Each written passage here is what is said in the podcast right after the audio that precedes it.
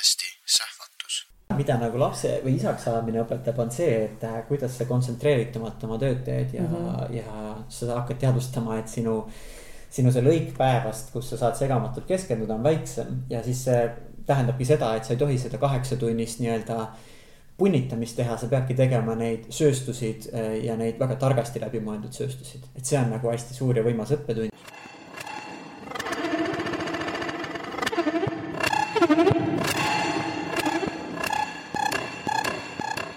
Tere tulemast kuulama Sähvatuse podcasti. sähvatuse külalised on alati väljapaistvad juhid või loovisikud, kellega me räägime sellest, kuidas nad leiavad oma ideede jaoks inspiratsiooni, kuidas nad oma ideid leiavad, ellu viivad, meeskonda juhivad, kõik, mis puudutab uuenduste väljamõtlemist ja elluviimist. saatejuhid on alati Indrek Maripuu ja Piret Jeedas. meie uued saated leiad iga kuu teisel teisipäeval kas SoundCloudist, Spotify'st või meie Facebooki leheküljelt. head kuulamist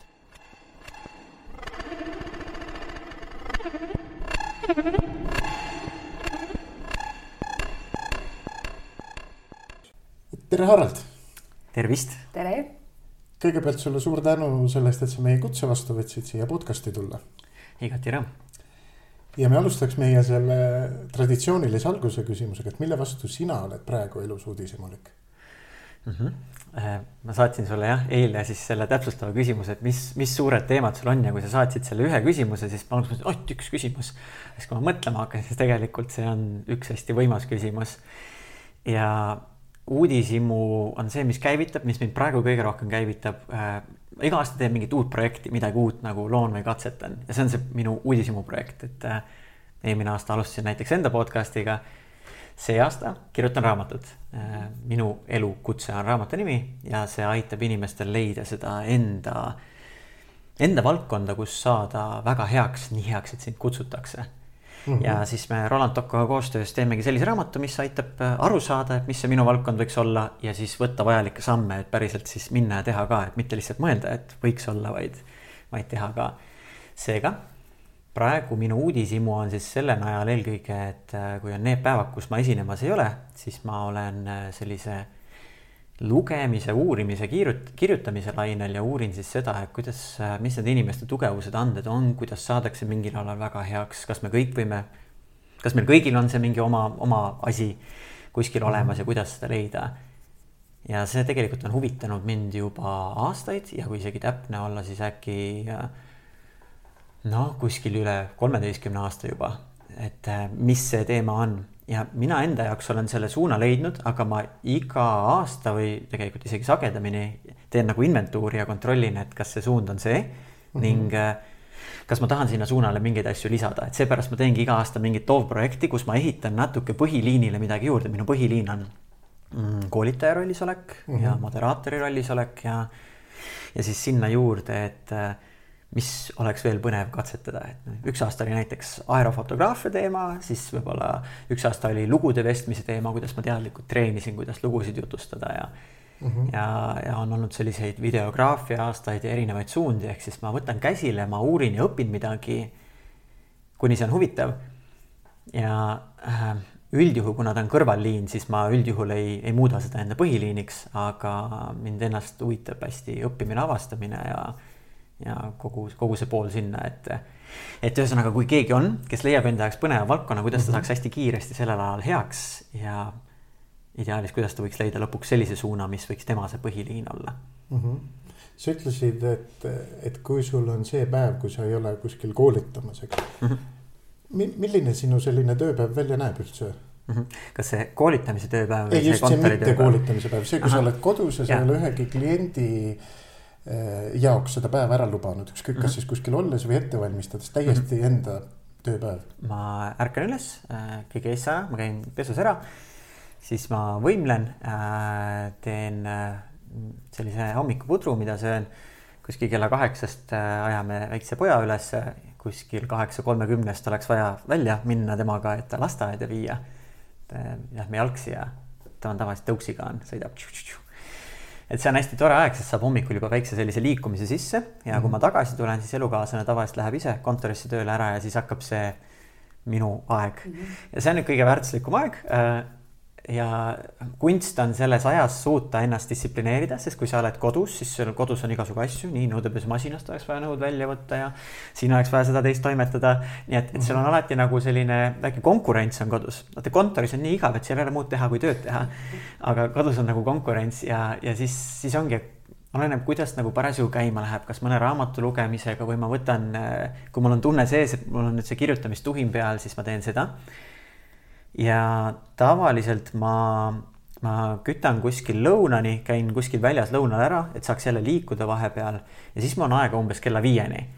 Mm -hmm. et äh, siis on vaja lapsele järele minna. Ja see on see aeg, kus mul on võimalik midagi teha, sest pärast seda tegelikult äh, isegi kui ma saan endale ajahetke leida, seal ei ole nagu seda äh, segamatut äh, sada protsenti keskendumise aega, sest ma tunnen, et on vaja nagu sellist äh, natuke pikemat sööstu, ei piisa, et noh, kas mul on kümme minutit aega praegu raamatut kirjutada, vaid et mm -hmm. noh, tunde niimoodi.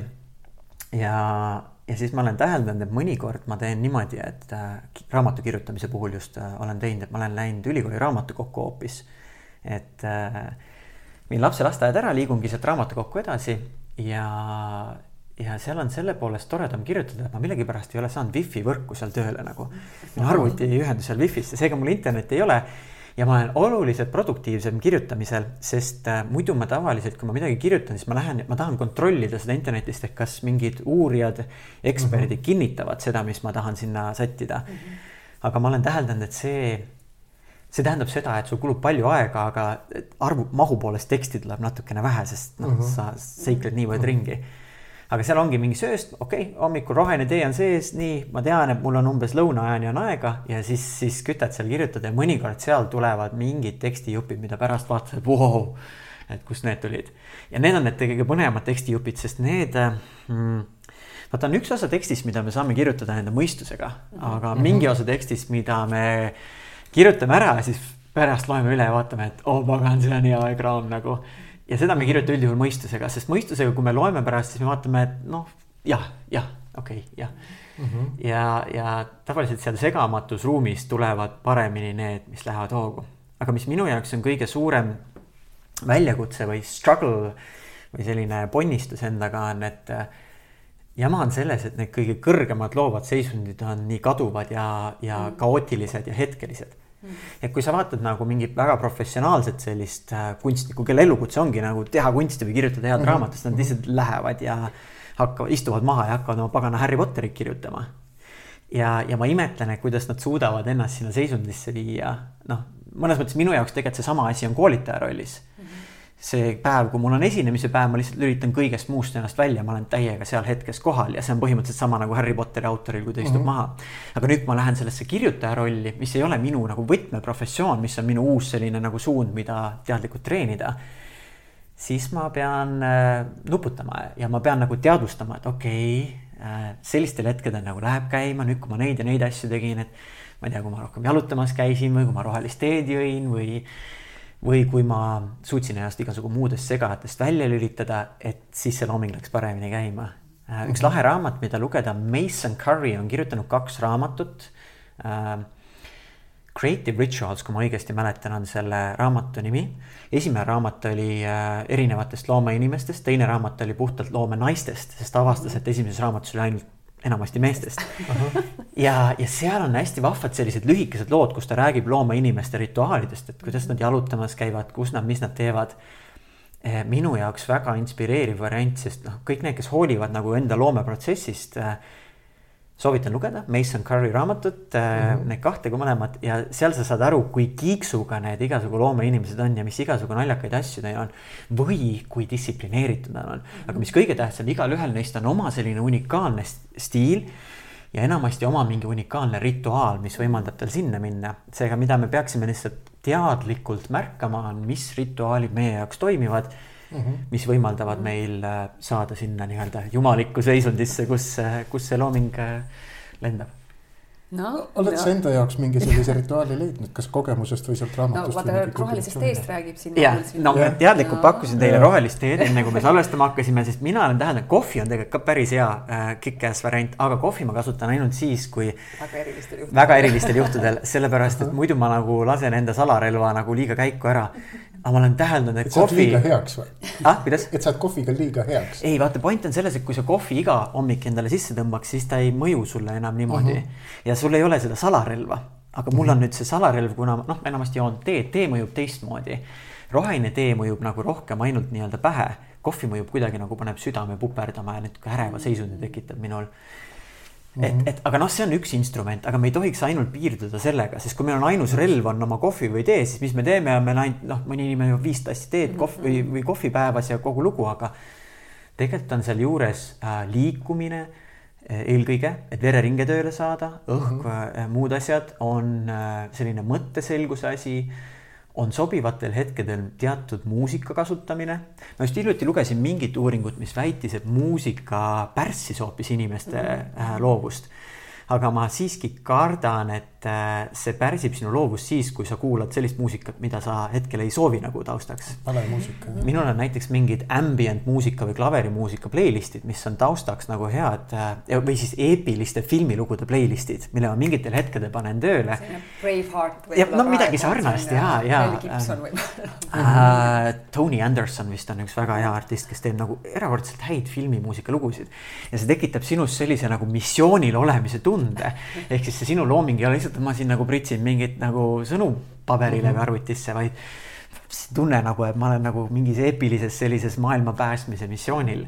Ja see on eh, tekitanud minus nagu sellist äh, seisundit, kus ma saan ka natuke teises mõtteviisis kirjutada, midagi luua või, või mingeid mõtteid nagu välja mõelda või mingeid häid selliseid lauseid või sõnastusi. Mm. -hmm. ja mis on veel tähtis minu jaoks on nende asjade üleskirjutamine, varem ma pidasin neid paberkandjal märkmikega, jama on selles, et need ei ole tavaliselt kaasas.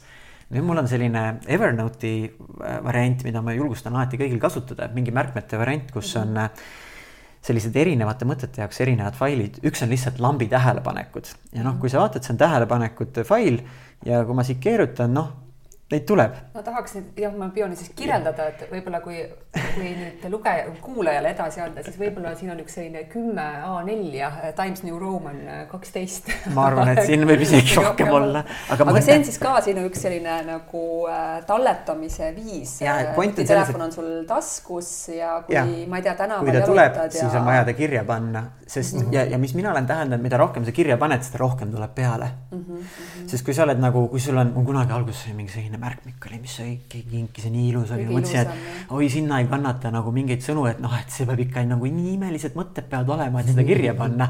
ja siis ma pikka aega midagi ei kirjutanud, sinna nii ilus pühendus oli sees ja triibuline ja mingi linnupilt oli peal ja puha, aga aga siis ma hakkasin tegema sinna erinevaid nimistuid, siis ma hakkasin tegema lihtsalt raamatut, raamatute lugemisel märkmeid sinna ja ja, ja niimoodi see läks nagu käima ja see mõte on selles, et me lihtsalt peame nagu sättima seda kirja. Teine näide on, mul on mustandi vihik, aastaid ma raiskasin tunde koolituste ettevalmistamisel, püüdes saada kohe puhtalt mõtet uh. -huh. kuidas me peaks selle pealkirja sõnastama, mis selle mooduli teema peaks olema, kuhu me siin peaks välja jõudma. ja siis sa istud seal arvuti taga ja siis sa nagu punnitad niimoodi ja mõtled vahepeal, ma lähen joon vahepeal teed ja söön küpsist, äkki tuleb mõte ja, ja no uh -huh. pagan ei tule ja niimoodi vaatad, et sul tuleb need kaheksa tagumikutundi täis ja lõpuks sa punnitad selle mingi ühe koolituskontseptsiooni välja. Kui ma hakkasin kasutama mustandi vihikut, siis ma täheldasin, et ma tihti võisin sama asja teha ühe tunniga ära mm. -hmm. mustandi vihik tähendas seda, et ma lihtsalt võtsin ühe vihiku, mis ongi sodimise vihik, mul väike laps joonistab ka sinna vahepeal igasugu muud sodivärki, see lubab veelgi enam sinna sodida, eks ole, kui mm, -hmm. kui seal on sellised äh, abstraktne kunst on ees, ütleme nii. ja, ja sinna ma põhimõtteliselt teen lihtsalt küsimus, ajurünnak variandid, jooned alla, mis võiks minna ja lükkad selle ja ja nii ta läheb, ehk põhiasi loovprotsessil, üks asi on see füsioloogiline pool, et sa saad mm -hmm. õhku, sa liigud, sul vereringe töötab, et sul aju saaks üldse toitaineid ja toimiks. ja siis teine suur väljakutse on mitte jääda iseendale jalgu mm. -hmm. see on nagu see kõige suurem loovuse blokkija ja kui ma ise olen mõelnud, mis on nagu blokeerinud, mul on nagu mingid eluetapid kus ma olen nagu muutunud oluliselt vähem produktiivseks loomu-, loovuse poolest. Ja need on need eluetapid, kus ma olen hakanud liiga vaatama, et maailmas on juba palju asju olemas mm. -hmm. ja küsinud, et kas ma suudan midagi kõvasti erakordsemat teha ja jäänud ootama, et kas ma jõuan mingi erakordsema mõtteni mm. -hmm. kui ma alustasin ma vaatan mõnikord salvestusi enda algusaastatest ja siis ma vaatasin, kuidas, kuidas on nagu see säde ja veendumus sees, et et mul on nagu kõige õigem asi ja ma pean praegu seda maailma muutma. Ja siis, kui sa aastaid hiljem sa oled nagu nii paljude erinevate allikatega tutvunud ja sa saad aru, et ei ole nagu ainult ühte lahendust, et on nii palju inimesi, nii paljud asjad, mis toimivad. mis on tekitanud, on nagu, on, on võtnud ära nagu seda veendumust või seda kindlust, aga seda veendumust või kindlust on vaja, et sa võiks tulistada seda enda nagu kõige ausamat ja ehedamat loomingut mm. -hmm. ja see on minus mingitel eluetappidel aastateks tekitanud neid tundeid, kus nagu on mõtteid, mida võiks teha mingi uue inspiratsioonivideo või asjana, aga siis sisemine hääl ütleb, et nojah, et tegelikult noh, need tüübid tegid päris kange asja juba ära või see asi nagu katab seda või need tüübid on sel ajal juba raamatu kirjutanud, et noh, et, et see on juba maailmas kaetud, et see ole mm -hmm. nagu probleem, mis vajab mm -hmm. lahendamist, aga. aga hinnanguhääled. jah, aga see hinnangu hääl, noh, selles mõttes, et kui me, kui me nagu sihimegi mingit sellist er, eriti erakordset asja, siis Äh, siis lihtsalt me vähendame enda loomingulist produktiivsust ja mis omakorda tähendab, me vähendame seda võimalust, et saaks tekkida see mingi mõte mm. -hmm. et see on nagu see võtmeõppetund ja mida ma olen nendes perioodides saanud, kus mingitel aegadel ma nagu mm, kuidagi olen, ütleme, vähem loonud mm. -hmm. ja mis veel on, äh, mis, mis siin juures on nagu, et vaata äh, mm, mina teen näiteks enda taskuhäälingut, ma teen üksi, te olete kahekesi mm, -hmm. teil on see lahe efekt, et äh, noh, et kui ühel vahepeal nagu väga viitsimist pole või on natuke liiga kiire, et minna jälle kellegi juurde ja midagi mm -hmm. läbi viia, siis on teine, kes tuleb ja torgib, et oh, teeme. aga, aga üksi tehes nagu seda, seda torkimisefekti ei ole ja siis sina oled ainus, kes peab torkima, et kes iganes nagu loomainimene on, kes üksi nagu enda loomingut loob sul ei ole nagu seda teist tüüpi, kes ütleks, et davai, et lähme teeme. ainus, mis sul on, on need, kes sinu loomingust osa saavad, et kui sa nende tagasiside kaudu äh, saad hoogu juurde ja, ja noh, näiteks on mingid videod, mida ma olen võib-olla teinud viis aastat tagasi mm. -hmm. ja nüüd keegi kirjutab või sa loed mingi, või ta on asja, mingi kommentaari teinud, ta on nüüd selle avastanud ja ütleb, et vau, massive värk, sa pead neid asju juurde tegema. et need on nagu sellised head hoovastikud, mis annavad äh, seda tunnetust, et aa, vaat kui lahe, et tõesti tegelikult maailmas neid on küll, aga, aga näed, on inimesed, kes tulevad, ütlevad, et ja. sina pead neid asju juurde tegema mm. -hmm. et see annab nagu sellist nagu hoogu või kinnitust juurde, sest äh, see on olnud minu jaoks see põhitakistus, mis ma olen mingil hetkel enda karjääris tundnud, et, et olen nagu mingi kõva hooga läinud, aga mingiteks aastateks nagu korraks niimoodi raugenud mm. -hmm. ja siis sa pead leidma enda jaoks mingi järgmise sellise missiooniprojekti mille nimel sa nagu pühendad, sest noh, koolitajana sa tunned nagu, et, et sul on nagu mingi teatud tase nagu saavutatud, et sul on nagu äh, noh, sa oled lihtsalt oma salas juba, juba päris hea, aga sul mm -hmm. ei mhm. ole nagu seda, seda jonni, mis oli alguses seda, kui sa tundsid, et ma pean nagu mingil moel seda maailma muutma või päästma. aga see hoop peab nagu, nagu kogu aeg olema et või no, vahest võib-olla peabki seda raugemist ja, nagu ja võib-olla, võib-olla tänu see... sellele tulebki vingem hoog, et see raugemine ja. on olnud lihtsalt võib-olla see nagu tunne on, et kui sa mõtled tagasi ja mõtled, ma oleks tegelikult saanud midagi luua mm. -hmm.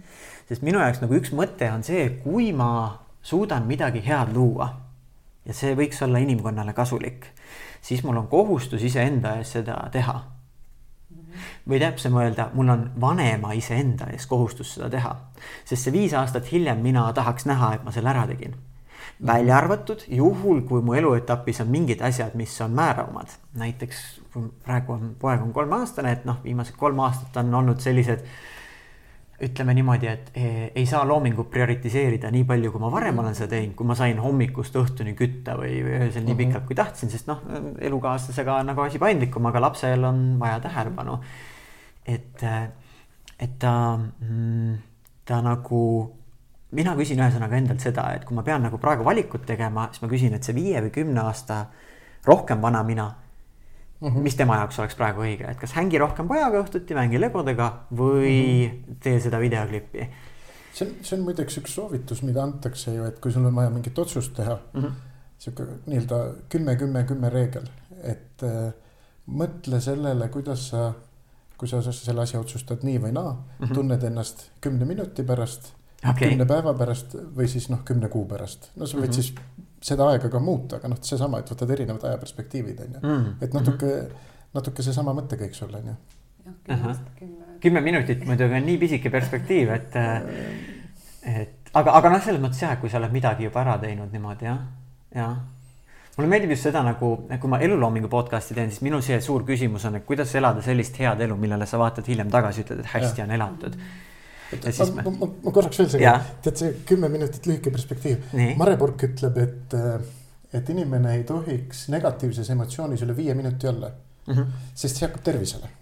ja et ükskõik, mis sul elus juhtub, ükskõik, mis sul elus juhtub, viie minutiga suudab iga normaalne terve inimene leppida, et ahah, see on nüüd uus olukord ükskõik kui sügavas augus ma olen, et ma hakkan siit välja ronima, on ju. Mhm. noh, viis minutit, kümme minutit on ju kaks korda pikem aeg. okei, okei ja selles mõttes on nagu pointi jah, sinna läheb see, see, see viis, neli, kolm, kaks, üks lugemine, kus on vaja lihtsalt minna ja teha ka nagu, et noh. aga, aga noh, ma pean tunnistama, et kuigi ma olen aastaid tagasi seda Mare Purgi käest kuulnud ja proovinud. võib-olla teooria seda... muutunud vahepeal võib-olla on teooria muutunud vahepeal, aga lihtsalt noh, ma, ma ise mingites olukordades proovin seda endale meelde tuletada. siis noh, ma pean tunnistama, et ma viie minutiga ikka sealt august välja ei roni, noh teinekord ikka töötab, aga on pikem aeg, aga mõtteviisina nagu noh, minu meelest hästi hea asi, mida mm -hmm. kaasa võtta, et ükskõik, mis juhtub, nii, ahah nüüd, nüüd on nii palju aega juba mööda läinud, et siit edasi enam ei muretse, et, et selles mõttes väga hea. et ma kuulan, kuulan sind Harald ja mõtlen, no ma lisaks sellele, sa oled ju ka loovust palju uurinud selles mõttes, et ju mitu lõputööd kirjutanud ja, ja see on äh, sinu elu osa kuidagi see loova eneseteostuse uurimine, et, et võib-olla äh, praeguses hetkes, et, et mis selles on nagu võib-olla sellist avastamata sinu jaoks või kuhu territooriumile sa nagu tahaks minna, et, et mis pakub nagu sellist, et kuidagi sellist veel salapära? Mm? -hmm miks ma loovuse valisin enda jaoks selliseks uurimissuunaks, on see, et ta on lõputu mis on selle puudus, on see, et meil on väga raske seda hinnata ja mõõta. -hmm. loovuse uuringutes tihti on need erinevate kasutusvõimaluste testid, kus inimene peab lihtsalt mõtlema välja, kuidas sa võiks veel kinga kasutada või nii. mis tegelikult on hästi piiratud osa loovusest mm. -hmm. põhieesmärk, miks loovus minu meelest on vajalik, on äh, noh, minu meelest kogu nagu inim, inimkonna eksistentsi mõte, inimesena, indiviidi mõte on midagi luua mõtle korraks, kui sa kaheksateistaastaseks saad, siis sa oled juba tonnide viisi prügi tekitanud, sinusse on investeeritud meeletult summasid, inimesed on kulutanud meeletult tunde, et sinuga tegeleda. nüüd mm, -hmm. kui sa ülejäänud elu elaksid lihtsalt tarbijana, siis ühiskondlikust seisukohast on see ju tegelikult natukene nagu raisku läinud asi. kui sa aga lood midagi, siis sa saad mingil moel seda täiustada mm. -hmm. ehk, ehk ja, ja minu meelest inimene okei okay,, on õnnelikuks olemiseks erinevaid moodusi, aga ühel hetkel, kui meil põhivajadused on realiseeritud, siis me tunneme kõige rohkem õnnetunnet selles, kui me saame mingil moel ennast äh, teostada ja eelkõige ennast siis loovalt teostada tänapäeva maailmas mm, -hmm. kus me saame midagi, midagi luua või teha. ja seepärast on see minu jaoks see põhiline suund, mis mind eelkõige huvitab loovuse valdkonnas, on see, et mm, kuidas iga inimene võiks enda jaoks äh, selle mingi oma teema leida, mis teda köidab ja kuidas ta võiks ennast seal teostada, et mingil moel ühiskonnale natuke positiivsemat mõju tekitada. ja see on selline päris suur küsimus, et äh, kas sulle tundub, et ma kohe tahaks kohe sutsan vahele, et kas mm -hmm. tundub, et see on kuidagi rohkem kättesaadav inimesele või tänases, ma just mõtlen sellises infomaailmas, kus kõik ongi rohkem ja vaata, sa ise ka rääkisid, et vahest tulebki mingi, et võib-olla see väline impulss hakkab meid nagu sööd, sööd, sööma ja järgmine influencer, kes ütleb, et mis on nagu in, on ju, et mm, -hmm. et kas sulle tundub, et selle sees nagu leida seda oma asja on, on pigem nagu raske eh,. Eh, jah. ja see on läinud äh, selles mõttes mingil alal leida, kus sina tõeliselt hea oled on muutunud erakordselt raskeks interneti pärast mm. -hmm. sest nii kui sa lükkad Youtube'i sisse, ma ei tea, teised lauljad või muud asjad, siis sa näed, kui palju vingemaid lauljaid on ka sina. meie mhm. esivanemad elasid, nemad olid oma küla kõige, ma ei tea, vingemad jõumehed, kõige kõvemad laulumehed, kõige, ma ei tea, oma küla kõige ilusam tüdruk oli maailma kõige ilusam tüdruk, eks ole mm, -hmm. aga nüüd lükka mhm. internet käima ja voilaa, mida seal kõike tuleb. Ja mis see tekitab inimeses sees, on seda tunnet, et ma ei ole midagi nagu väga erakordset, sest mm -hmm. nii palju erakordseid inimesi seal väljas. seega võib-olla üks see suur loovusealane väljakutse tänapäeval ongi, kuidas ennast selle müra sees siiski äh, leida mm -hmm. ja julgeda ennast kehastada ja julgeda luua, kuigi kui sa näed, et sinu ümber luuakse midagi juba niivõrd vinget ja vägevat et, et see on nagu see raske aspekt, ma töötan hästi palju startup'i maailmas ja seal on nagu mulle, ma väga armastan äh, ideedega töötamist. Mm. -hmm. ja, ja seal on nagu lahe, kuidas igasugu probleeme kogu aeg leitakse, mida lahendada, mõnikord isegi nii huvitavaid probleeme, et keegi pole kunagi mõelnud, et see päriselt probleem on ja võib-olla jätkuvalt ei mõtle, et see probleem on, eks ole. Aga, aga see on nagu lihtsalt, see on huvitav liikumine maailmas, mis tekitab inimeses mõtet, et andke mulle probleemi, ma tahan lahendada seda, sest siis ma saan midagi vahvat luua, vahvat teha. ma ei tea, hüpoteetiliselt äkki ühel päeval juhtub, kus probleemid saavad otsa, kas võib juhtuda, ma ei tea. ma kahtlustan nagu..., tuleb igasuguseid väga huvitavaid. vot see ongi, et meil on tegelikult tulnud lihtsalt mingid omamoodi nagu veidrad probleemid ja niimoodi. aga kindlasti see, kuidas internet, mis ta meile kõike avanud on, minu arust internet on kõige erakordsem leiutis, mis meil inimkond on loonud Mm -hmm. aga mis ta meile avanud, see on erakordne, aga mis ta meis ka tekitanud on ebakindluse ja kuigi me oleme kõigiga ühenduses, siis tegelikult üksinduse mm -hmm. ja mhm. teistega võrdlemise on äh, lükanud paljudel inimestel ka ikkagi kodaratesse. kui me vaatame igasugu neid äh, ma ei tea, kas siis depressiooni lihtsalt diagnoositakse rohkem või päriselt inimesed kogevad seda rohkem. minu hüpotees on see, et lihtsalt kui sa võrdled ennast ülejäänud maailmaga, sa paratamatult tunned ennast kehvasti. Mhm. -huh. mõelgem ikkagi korraks, meie esivanemad Nad tõesti võisid uskuda, et nemad on oma ala kõige kõvemad käpad mm. -hmm. ja, ja laulja või mis iganes ala sa oled või kunstnik, sa olid nagu oma, oma riigi nagu kõige kõvem käpp, aga, aga nüüd, nüüd sa näed nagu seda ülejäänud loomingut ja kui sul on see hea loomingu maitse, siis sa tõesti näed, kui head kraami tehakse. et äkki see suur küsimus, mida me peaksime mhm. loovusalal endalt küsima, on, et kuidas leida endasse julgus ja selgus, et et ka siis, kui sa suhteliselt sakid selles valdkonnas võrreldes nende teiste guurudega mm, -hmm.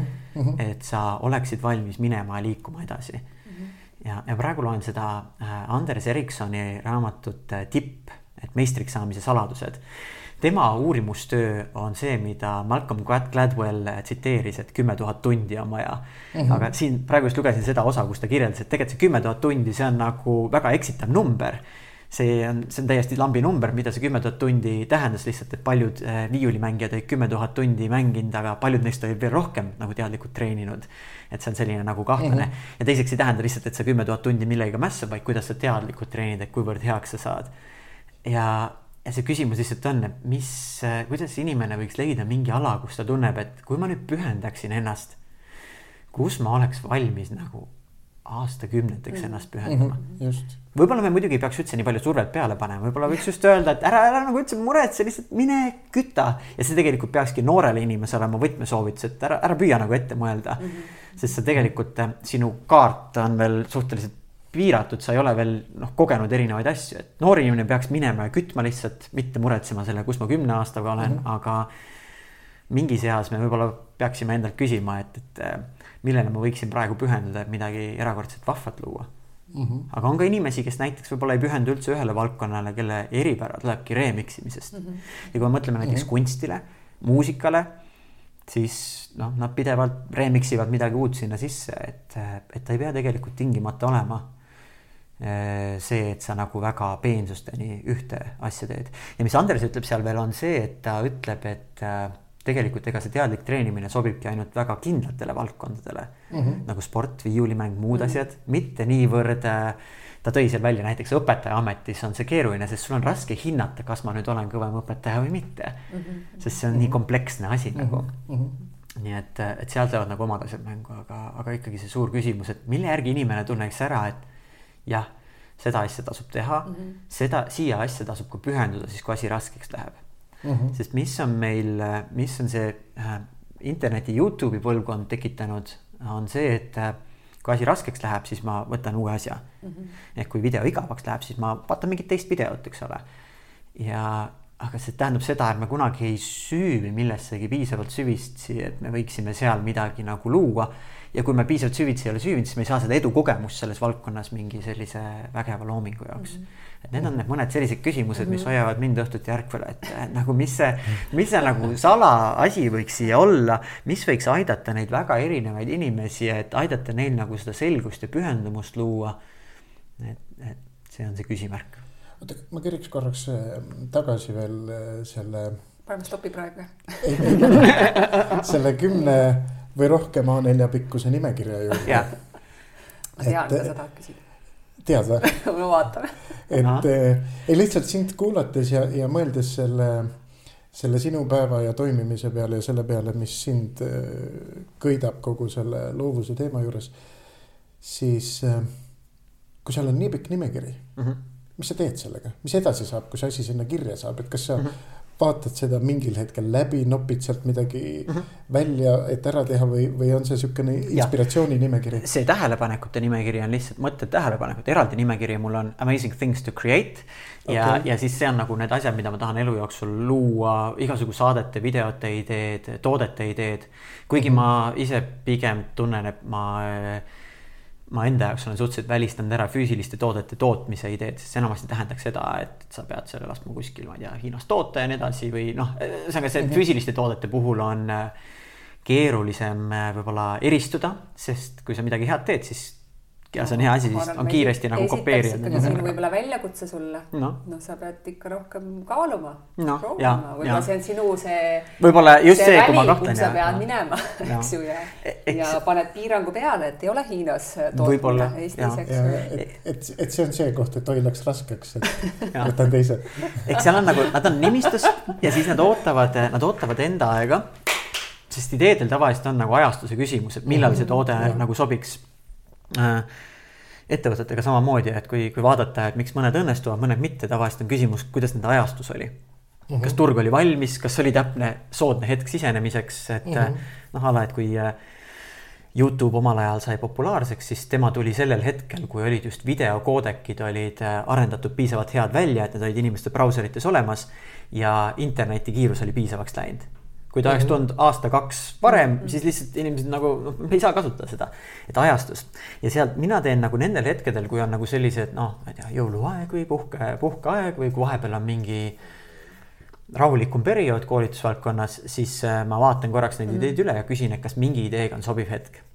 hiljuti ma tegin sellist harjutust veel, et ma vaatasin vaatasin korraks enda viimaste kümne aasta peale, vaatasin, mis iga aasta mul selline nagu loomeprojekt on olnud, mis ma seal teinud olen ja siis ma võtsin selle amazing things to create ja ma püüdsin neid paigutada sinna järgmiste kümne aasta peale. see ei olnud nagu päris lihtne tegevus, ma ei saanud nagu kõike niimoodi ideaalselt ära sättida, aga äh, kohvimõju sai mingi hetk otsa, aga aga, aga see oli nagu huvitav niimoodi korraks mõelda, et mis asi, millal võiks tulla.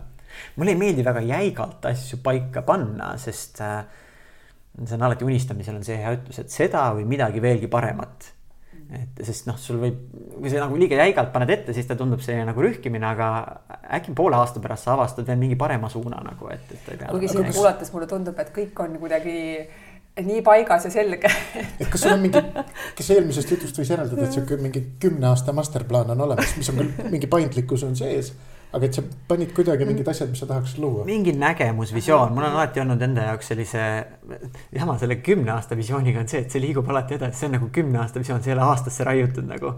Saad sa aru, eks ole, see ei ole nagu aastanumbriga, see on nagu kümne aasta visioon. ja selle nimetus on inspiratsiooni oraakel, see on mingi selline inimene, kes suudab äh, kas siis telepaatia või mingi muu imelise mooduse moel äh, suudab aduda probleemi olemust ja leida küsimuste abil selliseid lahenduskäike mis leiavad, mille abil inimesed leiavad nagu väga keerulistele probleemidele väga lihtsaid lahendusi. et see on see mhm. nagu visioon või taotlus, ainsama on see, et ta ei ole nagu aastaarvuga seotud, ta on kogu aeg selle kümne mhm. aasta peale, kuhu püüelda. ja, ja see tähendaks tegelikult seda, et kui meie tehnoloogia läheb nii vingeks, et me saaks näiteks enda teaduse digitaliseerida, siis see võiks küll üks lahe mõte olla, et ühel päeval on mitte ainult digitaalne Harald, vaid palju teisi digitaalseid mõtlejaid, kes võivad näiteks üks-ühele digitaalselt juhendada uusi õpilasi ja mõtlejaid mm. -hmm. mõtle näiteks, kui mingi füüsikaõpilasel oleks tema äh, Einsteini digitaalne teadvus, kellega ta saaks rääkida ja kellele ta saaks küsimusi esitada mm. -hmm. kellega ta saaks vestelda või suhelda see oleks nagu hästi cool, aga ajastus peab olema õige, tehnoloogia peab järele jõudma, et kui mina ei plaani seda tehnoloogiat luua, siis ma lihtsalt jälgin, mis on toimumas ja mm -hmm. ja, ja mõtisklen, et kuidas see võiks niimoodi olla, et see on see, mis on nagu sellise kümne aasta variandina. aga ta, mul on vaja nagu mingit asja, mille nimel ma tegutsen mm. -hmm. ja seepärast ma enda jaoks võtan kas siis mingit projekti või mingit muud asja, sest minu loomulik olek, kui mul ei ole seda asja siis ma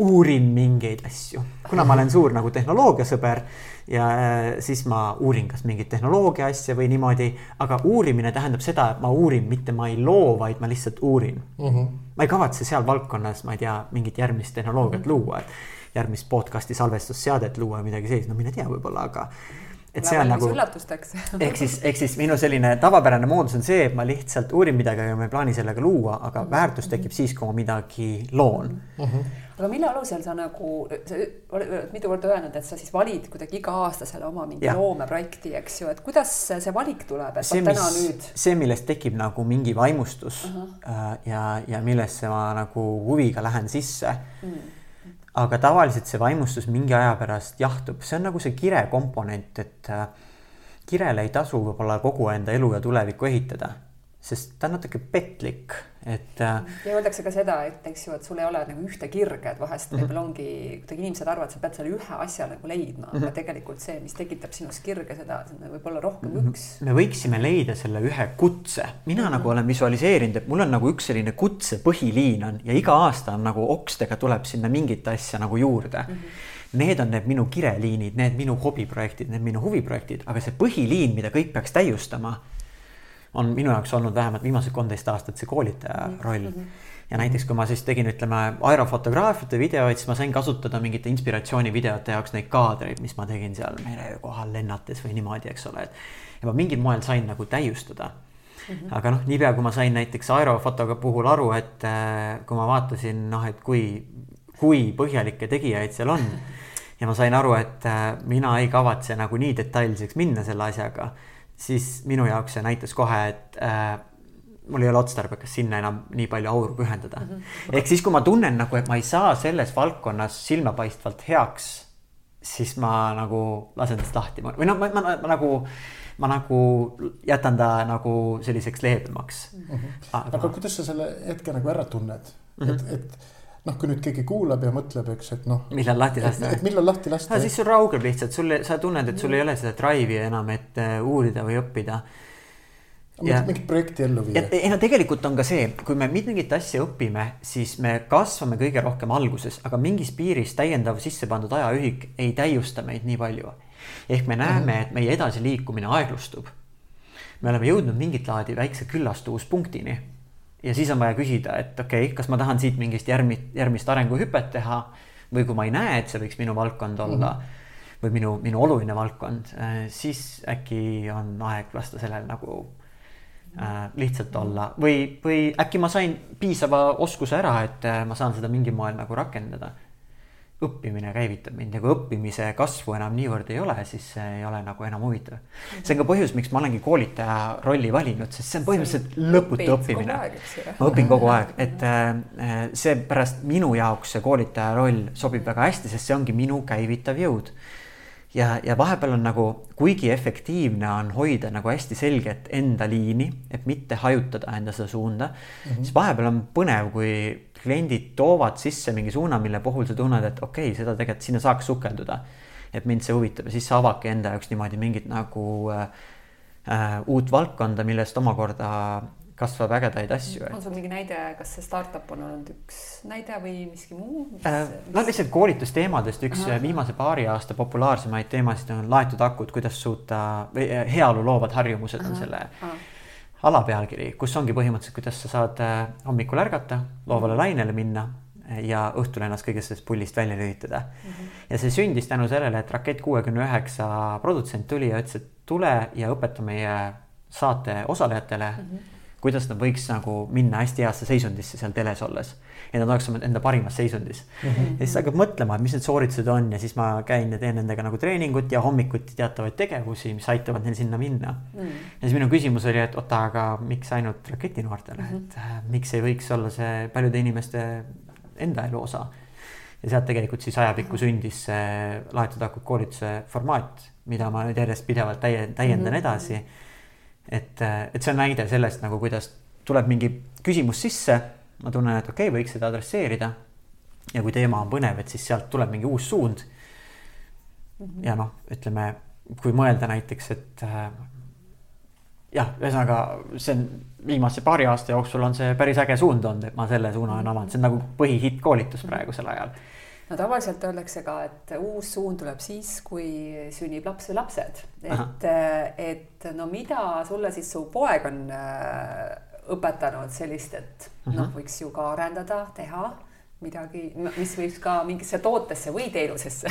No põhiline asi, mida, mida nagu lapse või isaks saamine õpetab, on see, et äh, kuidas sa kontsentreeritumalt oma tööd teed ja mm, -hmm. ja sa hakkad teadvustama, et sinu, sinu see lõik päevast, kus sa saad segamatult keskenduda, on väiksem. Ja siis see tähendabki seda, et sa ei tohi seda kaheksatunnist nii-öelda punnitamist teha, sa peadki tegema neid sööstusid äh, ja neid väga targasti läbimõeldud sööstusid, et see on nagu hästi suur ja võimas õppetund, mis nii-öelda olude mhm. sunnil äh, tekib poiss on praegu selles eas, kus ta jutustab ja kus temaga on tore olla. minu äh, kõige suurem õppetund on kõik seotud kannatlikkusega. ma ei ole väga kannatlik inimene, see mõnes mõttes on hea asi, sest see vähene kannatlikkus on muutnud mind hästi innukaks inimeseks, kes teeb asju ja kes, kes nagu liigub, aga kui sul on vaja oodata või kui sul on vaja mingile protsessile keskenduda, siis seda on vaja teadlikult treenida ja siis see kannatlikkus on aidanud ka igasugu ka sellise nii-öelda mindfulness'i treenimine, kuidas mitte minna ärevaks, kui, kui ütleme, soov on kuskile kellaajale peale minna, aga seotud asjapooled ei soovi sinuga koostööd teha, eks ole, et, et need on need asjad, mida nagu enda niimoodi suunaga. poisi endaga minu jaoks muidu äh, kirgedest rääkides äh,, ma mäletan, kui mina väike olin, siis mulle hästi meeldis legodega mängida ja ja nüüd ma võtsin kuskil pool aastat tagasi võtsin enda vanad legod sealt pööningult alla maal ja siis vaatasime poisiga nendele, nendele peale ja mulle meeldis neid kokku panna, talle meeldis neid lahti võtta ja, ja siis ma mingiks perioodiks läksin ka minu hulluks selliseks kireks muutus kogu lego värk jällegi ja mm -hmm. siis ma nagu läksin täiega sinna valdkonda sisse ja viisin ennast täiega kurssi, et kus on kõige paremad, mis komplektid on, kus on kõige paremate hindadega legod, mis juppidest ma saan kõige ägedamaid teha. ma vaatasin isegi komplekte selle mõttega, et ma seda masinat ei vaja, aga mis jupid see mida ma sellest luua saan. see on ka, aga jällegi jama on selles, et kired küllastuvad ja siis mingi hetk hakkab see nagu vähenema, aga noh, poisiga on hästi äge kvaliteetaeg olnud, et me jälle ehitame midagi, me jälle mässame, majandame ja jällegi sa tood enda ellu nagu mingi uue dimensiooni juurde, mis on sellest põhitavaliinist nagu teistmoodi ja see nagu mingiks ajaks äh, ergutab sind, isegi kui muidu näiteks noh, kliendi jaoks see võib olla väga erakordne päev, kui Harald tuleb ja koolitust teeb, aga kui sa oled teinud umbes tuhatkond esinemist, siis sinu mm -hmm. jaoks ta ei ole enam niivõrd erakordne, ta on erakordne, sest iga kord ma proovin midagi uut ja luua sisse. aga ta ei ole nagu minu jaoks selline vau-värk wow, nagu osalejatele, võib-olla see on midagi väga erakordset päeva ja siis mm -hmm. ma mhm. lihtsalt toon nagu enda ellu mingeid elemente sisse, mis, mis toovad seda vau-fooni ja, aga jama on selles, et jah, need on mingiks ajaks, aga need mingil ajal kustuvad, aga see ongi mhm. kirgedega mm. -hmm. ja seepärast ongi need mingid loomingulised projektid või, või asjad või suunad.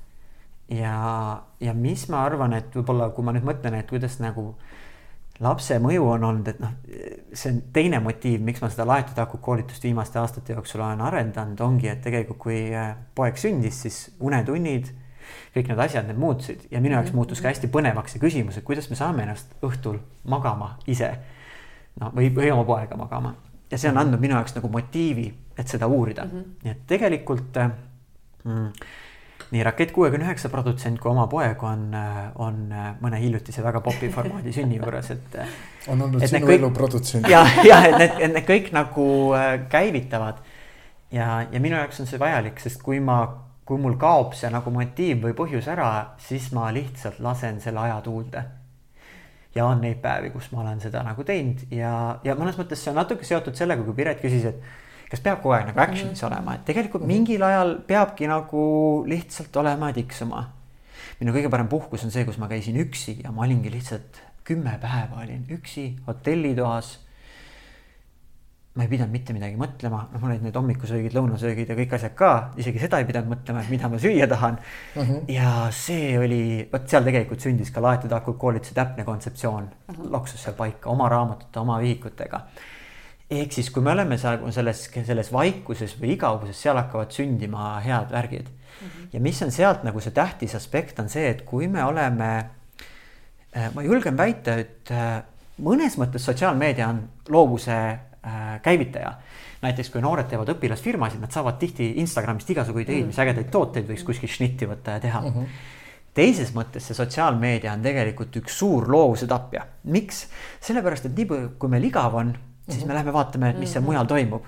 aga me ei ole looja rollis, me oleme tarbija rollis. Ja noh, enamasti me lihtsalt vaatame, et ma ei tea, mis teistel midagi toredat on toimumas, me harva võib-olla leiame geniaalset äriideed sealt.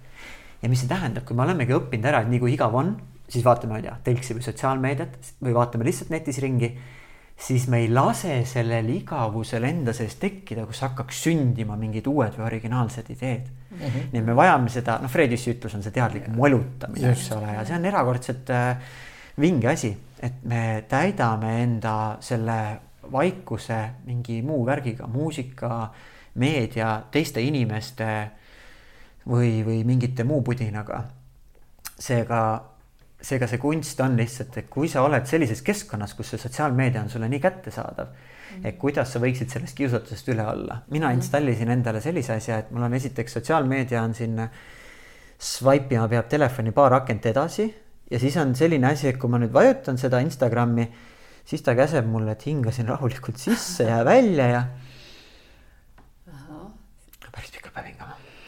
no ühesõnaga läheb kaua aega, enne kui kätte saad mm. -hmm ja siis ta läheb tööle, eks ole. ja mis see teeb, on ta tekitab nagu ühe lõtku vahele, kus sa hakkad küsima, et mida ma tegelikult tulin siia otsima praegu. et kas mul on seda tegelikult. ja kas mul on seda tegelikult vaja ja ehk siis, kuna mina olen selline, ma kardan, et kui sa oled uudishimulik inimene, siis sa ei kipu olema väga kontrollitud ja distsiplineeritud inimene, sest uudishimu tavaliselt on hästi hargnev mõtlemine ja see on huvitav see on huvitav võimalus mm. -hmm. aga distsipliin tähendab seda, et nii, ei, vot ei võta kommi enne kui noh, praad on söödud või mingi mm -hmm. muu asi, on ju.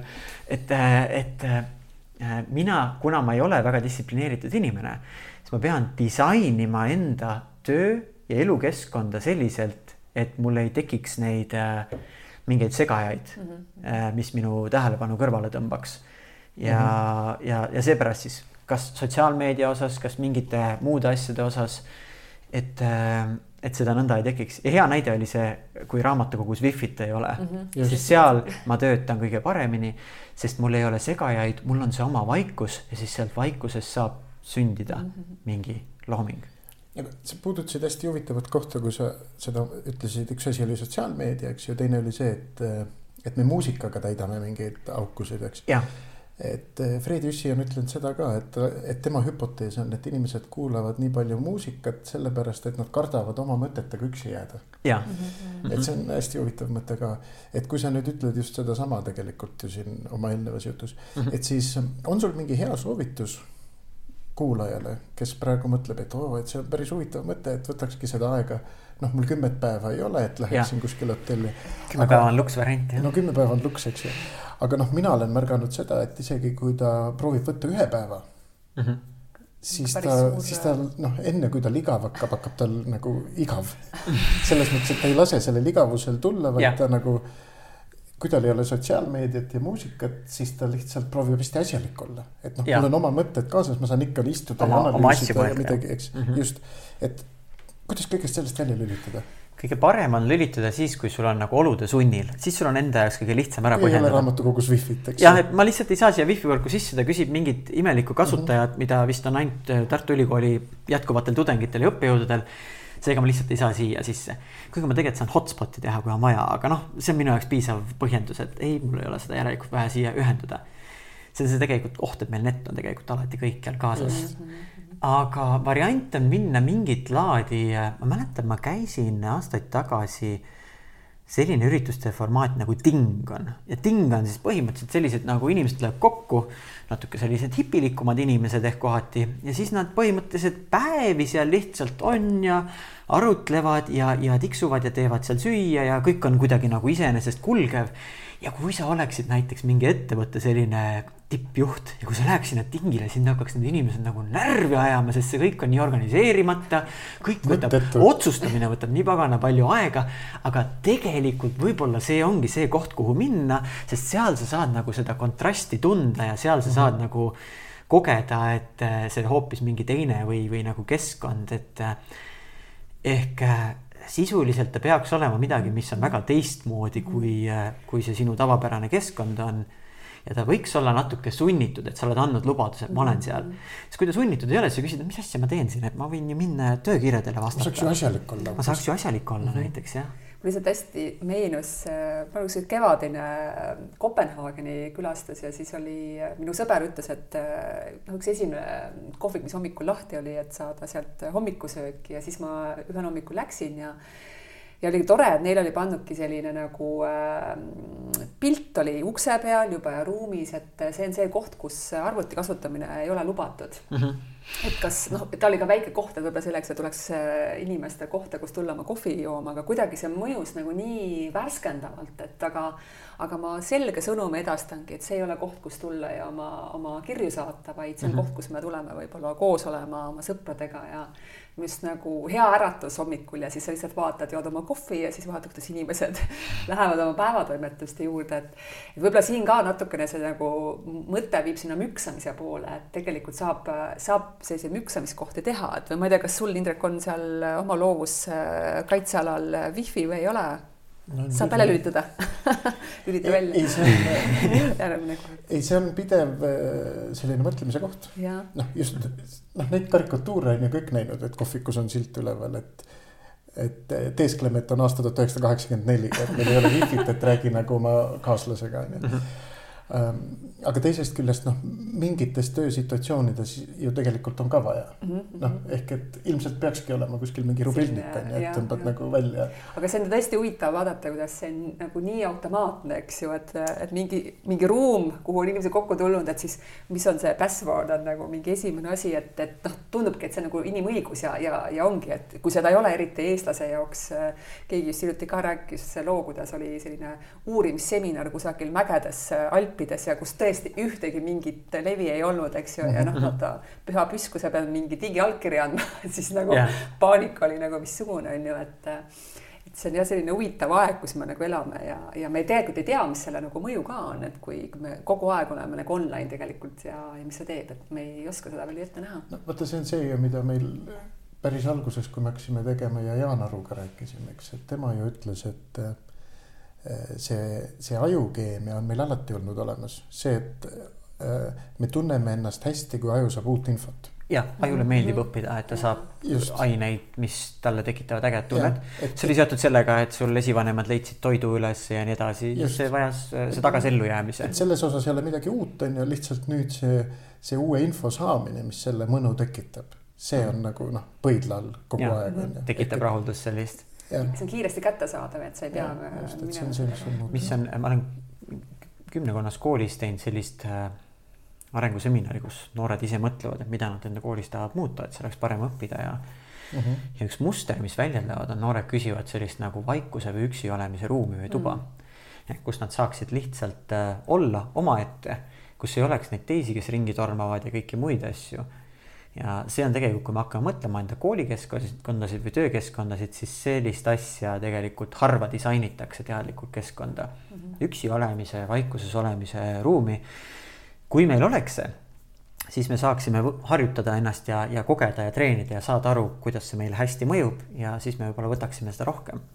aga aga palju on, peab harjutama, et mina sain siin äh, mõni, mõni päev tagasi, ma täpselt numbreid ei mäleta, aga minul on kusagilt meeles, et noh, mingi harjumuse kujundamiseks kakskümmend üks päeva tuleks siis midagi mm -hmm. teha, eks ju, järjest, eks ju, ja nüüd juba oli see kindlasti peaaegu sada, sada päeva. Oli mingi- mingi jah, mingi seisukoht oli pikem, jah. et mis sulle tundub, et kui, kuna sa, su teemad on ka mm Mhm. -hmm. seesama harjumuste muutus hästi palju, et kui palju siis peaks treenima, et Mhm. tekiks see mingi uus harjumus no minu, minu soovitus harjumustega, näiteks kui on hommikuvõimlemine, on alati see, et tee alguses midagi hästi pisikest, et ära siin võta endale suurt hommikujooga programmi, aga tee iga hommik üks kätekõverdus. Kui sa teed Või ühe pool. kätekõverduse ära ja kui sulle meeldib, tee veel natuke. tee kuni meeldib, kui enam ei meeldi, siis lõpeta ära. aga tee homme jälle. ja niimoodi tee ja iga päev nõua endalt lihtsalt, et ma teen ühe kätekõverduse. ja see on mõnikord võib-olla isegi nagu tähtsam kui see, et mitu päeva peab tegema, sest kui sa ikka üldse ei salli seda, siis sul ei tule seda kahtekümmet üht päeva ega sada päeva. ehk sa pead nagu tükeldama ta väiksemaks. nüüd äh, teise näitena siit juurde, et leida endale sobiv meedium, et vaikusega seoses treenimisega mina olen proovinud ka igasugu selliseid istuvaid meditatsioone ja kus sa nagu paigal oled, aga kuidagi eh, elava loomu jaoks sobib mulle näiteks kõndimise meditatsioon. ehk mul on mingi tegevus, mida ma teen, aga siiski ma saan enda aju muust pullist välja lülitada. ehk kui see asi sinu jaoks on nagu nii täiesti öö ja päev, siis leida see nagu üks vaheaste mm. -hmm. näiteks kõndimise meditatsiooni puhul ma panen käed kõhu peale, rahulikult keskendun sammudele, olen niimoodi paigal ja tegelikult annab sama rahustava efekti, mida annaks muidu istumise meditatsioon mm. -hmm. et eh, ehk siis väike tükk või siis sellised üleminekud ja enda jaoks niimoodi integreerida, mis on, eh, mis on loomupärane mm. -hmm ja minu hommiku võimlemises tegelikult on mingi osa sees, kus ma tegelikult ka teadlikult äh, keskendun sellele harjutusele ja selle kaudu on mikromeditatsioonid on seal sees mm. -hmm. et selle asemel pikalt istudes, muidu tundub, et ma võiks ju tegelikult tududa voodis edasi, et miks ma siin istun, pikutan, et. Et äh, aga kui ma liigun, siis ma teadvustan, et noh, see aitab mu kehal aineid, toitaineid liigutada ja see on nagu hea. et need on nagu mõned sellised võtmeaspektid, aga aga enda jaoks see paik ja, ja kasvõi näiteks raamatukogus vahepeal käia, raamatukogu on väga tore mm. paik. see lugemisruum ja seal on kaks efekti, esiteks seal on äh, väike foon on, mis tekitab tunde, et inimesed teevad tööd ja, ja toimetavad mm.. aga samas keegi nagu ei sega või ei jaura seal või telefonikõnelist ei tee, ehk siis miski nagu su tähelepanu ei tõmba.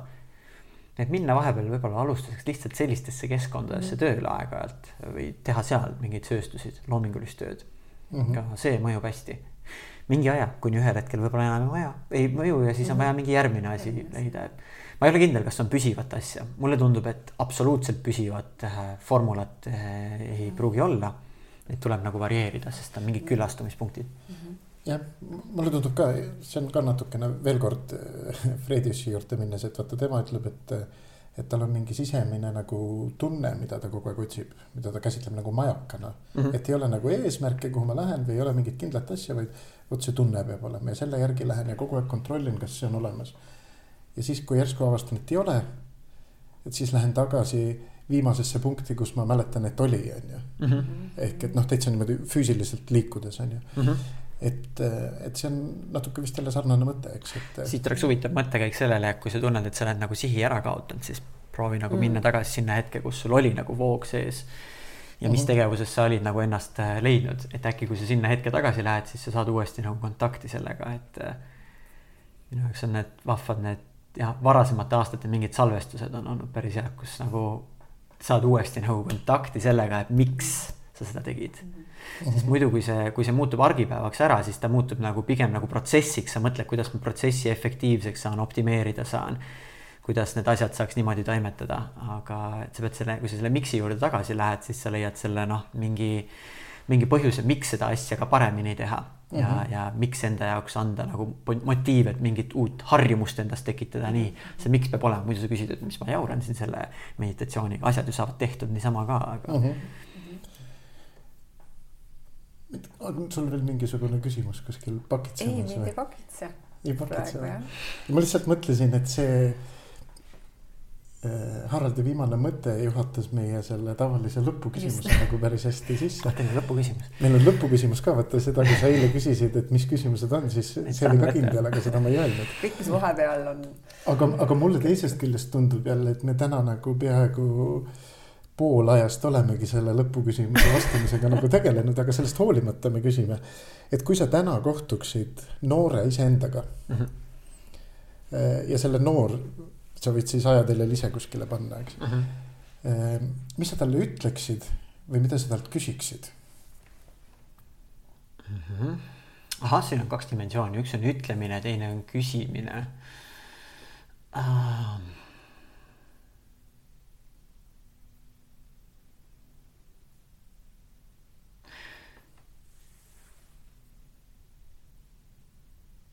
ütlemine on eelkõige see, et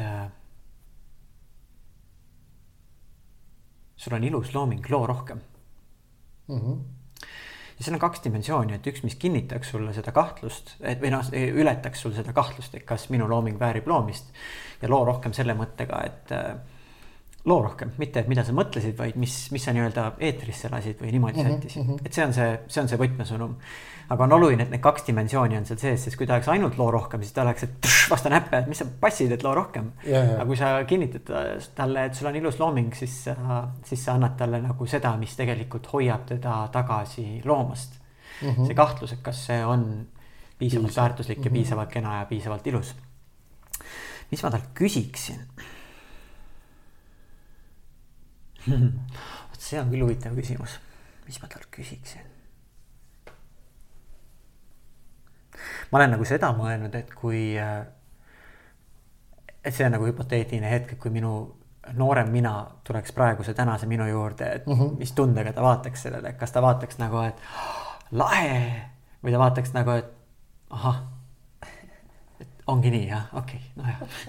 et, et kas, kas nagu see noorem mina, kui ta näeks praegust mina, et kas see oleks nagu kooskõlas sellega, ma teadvustan, et need asjad, mis ma võib-olla kümme aastat tagasi enda jaoks nagu visioonikaardile lõin, et mõned neist on realiseeritud, mõned mitte. ma arvan, et ta ei pahanda, et osad neist ei ole realiseeritud, sest on palju igasugu asju juurde tulnud, mida ma ennem ei suutnud nagu üldse välja mõelda ja, ja kuhu küündida ma arvan, et ta pigem oleks, äh, pigem oleks päris, päris happy selle üle, mis on, aga mis ma talt küsiksin? mis ma temalt küsiksin?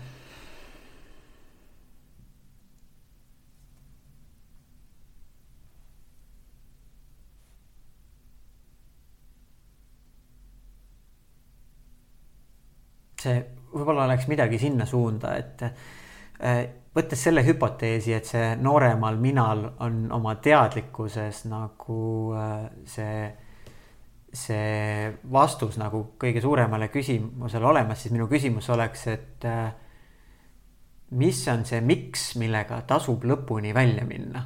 äkki ma küsiks temalt ära mm. -hmm. mis on see miks, see mingi põhjus, see mingi suund, see mingi asi millega tasub lõpuni välja minna, mis mõnes mõttes tänasele minale meenutaks, et kas on mingi asi, mille ma olen vahepeal ära kaotanud mm, -hmm. mis tekitas minus nagu muidu seda, seda, seda, seda sädet ja seda nii-öelda missioonil olemise, maailma päästmise tunnet mille, mille nimel tasub praegu nagu edasi kütta, sest kui see miks on olemas ja selle miks'i puhul tähtis asi on see, et tegelikult pole tähtis, kas see absoluuttasandil on hea miks mm. -hmm või kas see läheb äh, United Nationsi või mingi muu asutuse eesmärkidega kokku, vaid äh, seni, kuni sa ise usud, et see miks ongi väga tähtis ja oluline, et seni, seni sa, sa, sul on see hoog sees, sul on see põhjus hommikul ärkamiseks, sul on see põhjus kasvamiseks, tegutsemiseks. et põhiasi on selle miksiga uuesti kontakti saamine mm. -hmm. ja seda siis juhul, kui sellel minal oli sees, ma ei tea, ma, ma nüüd ei ole kindel kas see miks on meil eluks ajaks üks ja sama või see miks vahetub, seepärast ma olen nagu sellise kahtleva seisukohal, et kas ma pean tingimata võtma noorema mina miksi mm. -hmm. aga ma vähemalt kuulaks ära. ja, ja vaataks, kas see tekitab kirge. siis saaks otsustada ju. jah, ja kas see tekitab nagu seda tunnet, et sellel teekonnal tasuks, tasuks nagu pikemalt pühenduda mm. -hmm. no vot, see hea oli see väike aja või pausi võtmine, mis, mis kuidagi tuli loomulikult, et võib-olla meie kuulajatele ka selline mõnus äh, kaasa, kaaselamine enda elu kontekstis, et neid samu küsimusi, mis sa Indrek lõpus küsid, küsisid, võib siis sellises vaikuse hetkes endas ka küsida, et võttagi see väike peatus ja ühenduda siis selle, selle noore endaga see on eriti hea nüüd kõige selle vestluse najal, mis me oleme nüüd selle kontekstis küsida, kui seda nii-öelda esimese küsimusena lihtsalt küsida, siis ei ole üldse see lainele, aga kuna me nagu suundusime sinna teemasse ära mm, -hmm. siis ja see oli sellega huvitavam praegu nagu kontakti saada, et mis kerkis. aga aitäh selle vestluse eest. aitäh ja sulle siis äh, no mis siin ikkagi öelda, jätkuvalt selliseid loomingulisi põnevaid avastusi ja, ja võib-olla ka selliseid äh, äh, üllatusi, kuidagi, kuidagi see, seda tahan sulle öelda, et selliseid nurgataguseid üllatusi midagi ootamatut. et oleks avastusi. et oleks põhjust seda kümne aasta masterplaani nagu ikkagi kogu aeg korrigeerida. ägedamaks timmida. ägedamaks timmida. mulle tundub, et Haarel, sa oled selline, kes, kes nagu tahab, tahab sinna masterplaani ikkagi nagu ägedaid asju mulle jääb selline tunne. jah, et seal, seal võiks midagi lahedat luua küll. tore, aitäh sulle. aitäh nende soovide eest. aitäh I'm sorry.